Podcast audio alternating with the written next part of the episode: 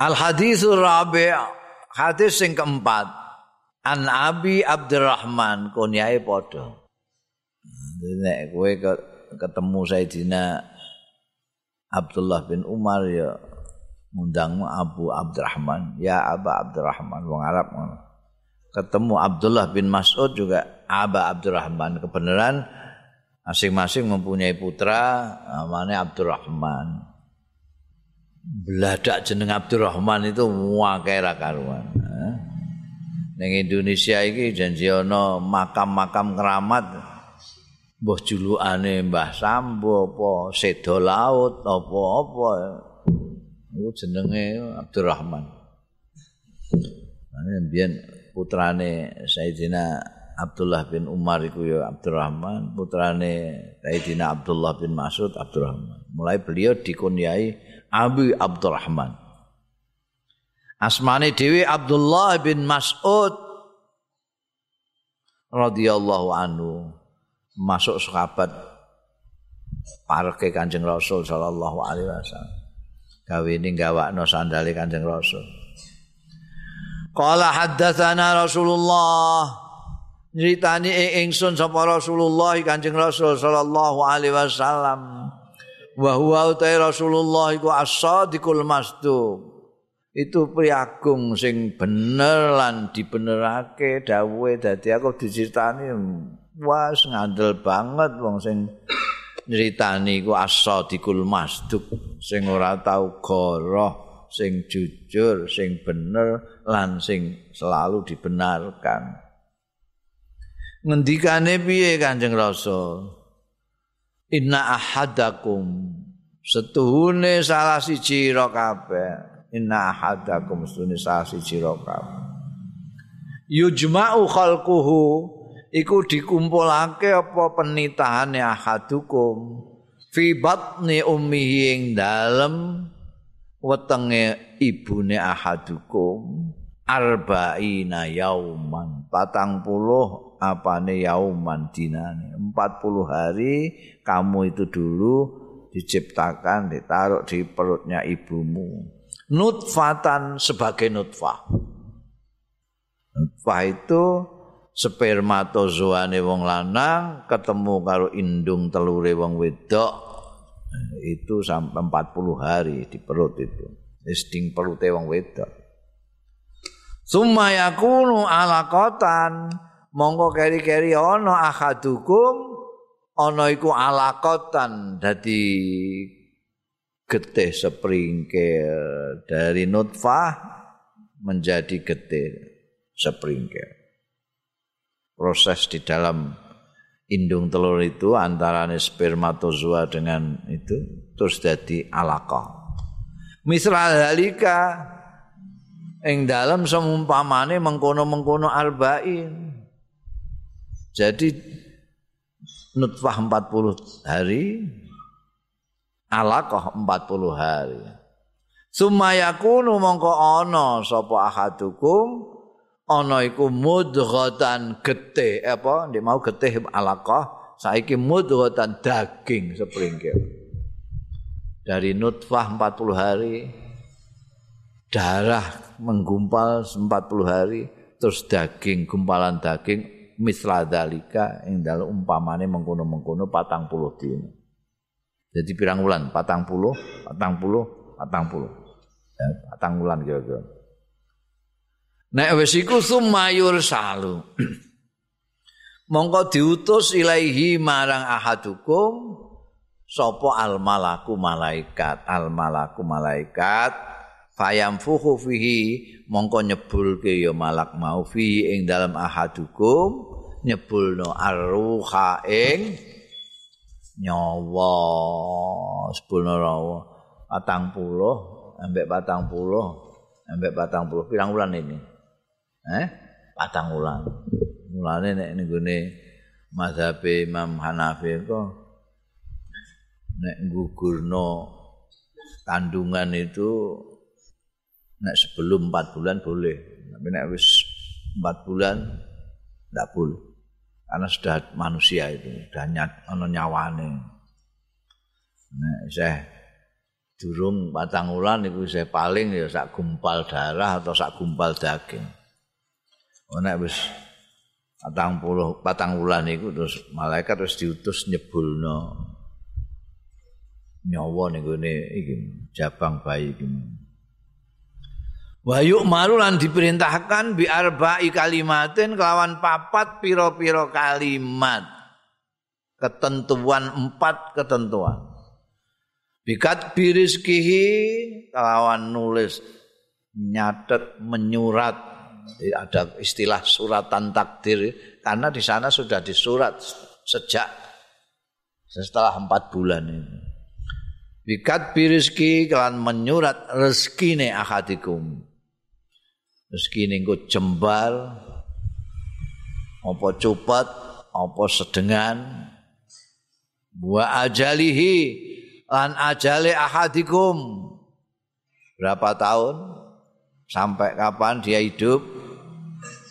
50 60 70 80 90 wa amalihi lan amale.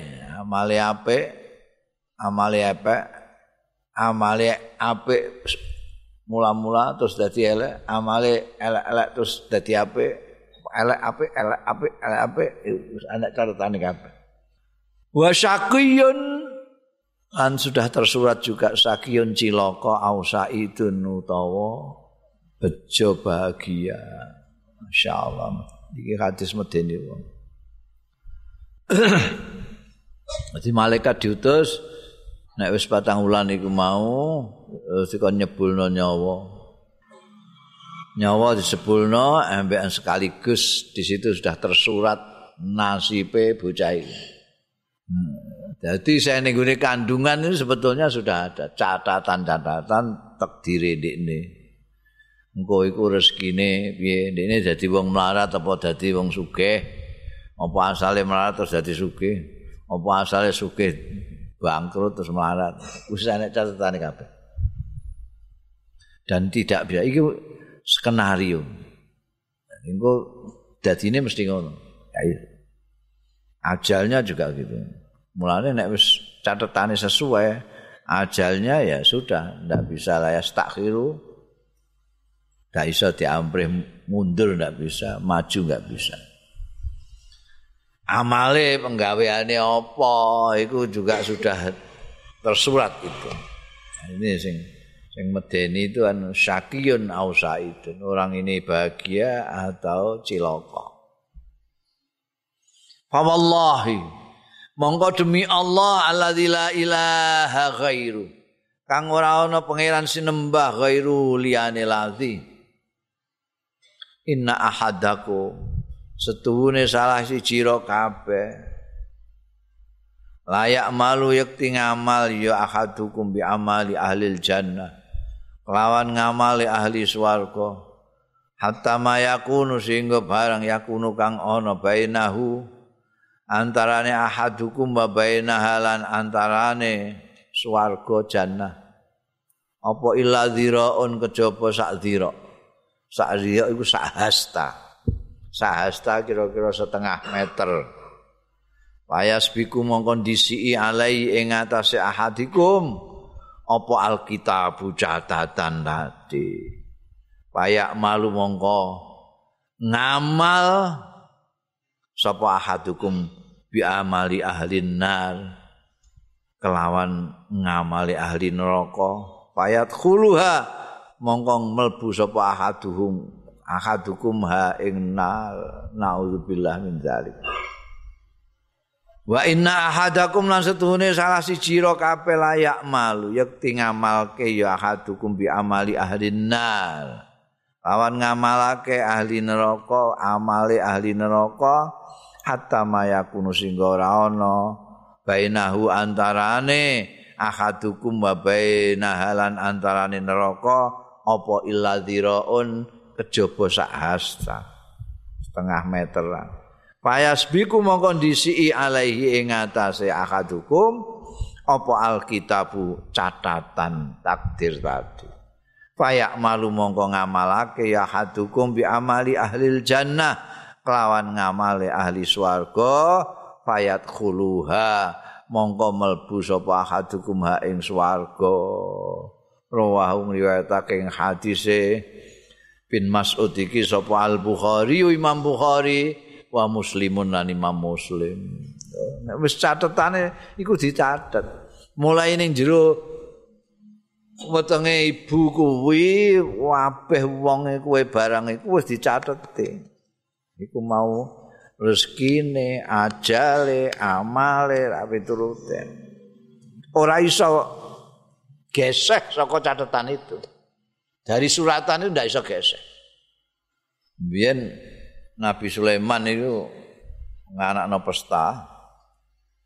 Terus ana tamune sing teko itu moro Nabi Sulaiman.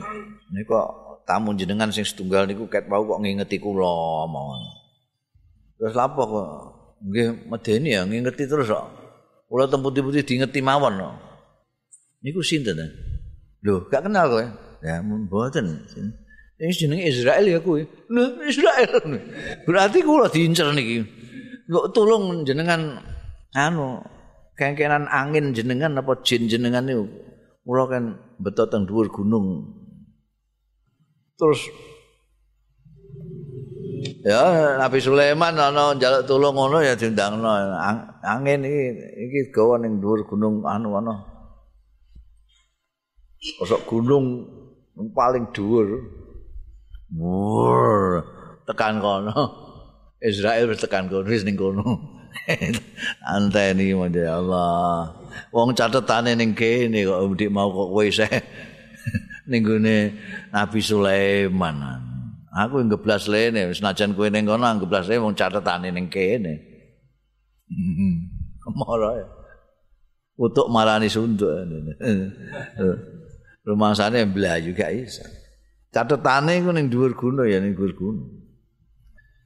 Nah iki sing medeni iki wong iku wis ana dhewe ketentuan iki sakiyun au saidun. Nek sakiyun neraka, saidun swarga. Ku wis enak ta. Mulane awake dhewe ora kena memponis orang ndak boleh memponis wae jahanam kowe ora senajan kowe ketoke kelakuanmu kaya ahli swarga lah ora kena. Memponis orang sing ketoke kelakuane kelakuan ahli neraka. Sapa ngerti nek malik kaya iki mau? Wong kurang sak setengah meter. Wapi terus iki. Wah swarga mengo wisan arep mlebu dadaan ngakoni amale wong neraka gak sida swarga ning neraka naudzubillah iku wis terjadi. Biyen iki wong ahli ibadah ahli fikih segala macam tapi bareng kurang sithik esmeh mati dia dadaan nyembah setan iku sebalike wong sing asale bajingan tengik terus awase iku mulai durung balik ngantek tuwik! Tapi wong catetane iku said jare. Nanti kurang sithik ngono ae. Ya ora iso mbok pesok-pesok gak iso wong catetane kono. Said kok ning swarga kok. Ana ana cerita iku. Pembunuh sing mara ning gone kiai kula niki kiai zaman Bani Israil. Kula niki pun mateni tiyang 99. Kira-kira nek tobat kali Gusti Allah ditampi napa mboten tobat kula niki. Mateni pun 99 wong. Hari ini kiai sing ditakoki Wes ra iso. Mateni siji ae ra iso kok 99 wis ra iso. Dijawab ngono terus sikat sisan. Kiai ini sing jawab iki. Ampun songo gak ditampa tobat satu sisisan. Terus tak kok meneh ning kiai sing luwih ngalim jawab. Wong Gusti Allah iku tawab. Kowe janji tenanan untuk mutobat, tobatan nasuha, sepiro ae gedene dosamu, wis tau di ngapura mbek Gusti Allah taala. Lah, tobat. Ana tobat piye? Kowe yang adus mara ning masjid kana kowe jungkung sesali semua perbuatanmu yang lalu nyaluk ngapura mbek Gusti Allah. mangkat. Mangkat durung tekan masjid mati. Mbah jantungan mbah apa? Eh? Mati. Wah, malaikat loro sing nulisi elek ambekan sing bagian apik iki oh no gegeran. Iki toke muni ya iki bajingan tengik sing mateni wong 100 iki. Ya iki. Nah, sing sitok ngusik ngusik andik niki arep Ini harap tobat kok. Ini dalam perjalanan mau tobat ini. Macam ngono ah. Arep tapi durung kok. Gue keran laporno Gusti Allah. Wis diukur ae. Kau tekan masjid MBN apa? Iki cedak ndi? Antara masjid MBN di mati, MBN di mati karo mai cedak ndi? diukur cedak ambek masjid. Cek sithik ngono ae. Ambek Gusti Allah di ngapura kok. Iku mergo ning kono catetane Said. Said. Lah, catatan Sakiun wa Saidun iku gak ono sing roh. Kiai cek ustad, cek habib ora ono sing roh. Gak ono sing roh. Mulane kene kudu sing hati-hati. kanggo awake dhewe yo ngati-ati kanggo wong liya ya sing ngati-ati mergo do ora ngertine eh, sapa ngerti Joni Indo sing melayu saka Nusa Kambangan iku terus dadi mubalek sing tau bayangno gak ono. Iku wis bukti ene Anton Medan itu kepala rampok dia saiki ustad. Ini contoh wis akeh. Ono sing asale ustad dadi maklar ya kan ono dadi macam-macam. Tapi sing penting akhire iki lho medeni wong. Jadi setiap orang itu masih dalam perjalanan bahagia atau ciloko yang bisa memastikan hanya Allah taala. Kita tidak bisa. Ono ya. Sing nista ya awake anane ya mau kudu marek Gusti Allah nyuwun ya Allah Gusti mugi panjenengan paringi dados tiang ingkang said, tiang ingkang bejo, eh? ahli swarga ngantek dina akhir. Artine wong do njaluk husnul khotimah itu maksudnya jo ngantek kurang sahasta terus ora khotimah tapi elek. Ya. iki kudu eling-eling kadang-kadang wong iku nek wis rumangsa apik itu kadang-kadang terus nyawang wong ku elek iku gak kena Nek cara Imam Ghazali luwih becik kowe iku nyawang awakmu elek. Eh? Nyawang awakmu elek luwih becik timbangane kowe nyawang awakmu apik. Ketemu wong cah cilik. kowe wah, apik cah cilik iki cah. timbang awakku nek iki durung dosa blas ya cilik sampeyan durung dosa blas. Lha aku dosaku wis pirang-pirang umurku semene tuane aja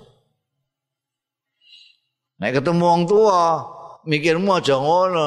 Mikirmu wong tua iki ya Allah apike caca bangane aku iki wong semono tuwane iki mesti ngamale wakih iku. Lah aku lagi gak sepiro ngamal. Mesti ning ngono. Aja kok wah bareng apa namanya sregep ngibadah atau sing dantek-dantek mbok poyoki jahanam kowe ya. Hmm, gak kena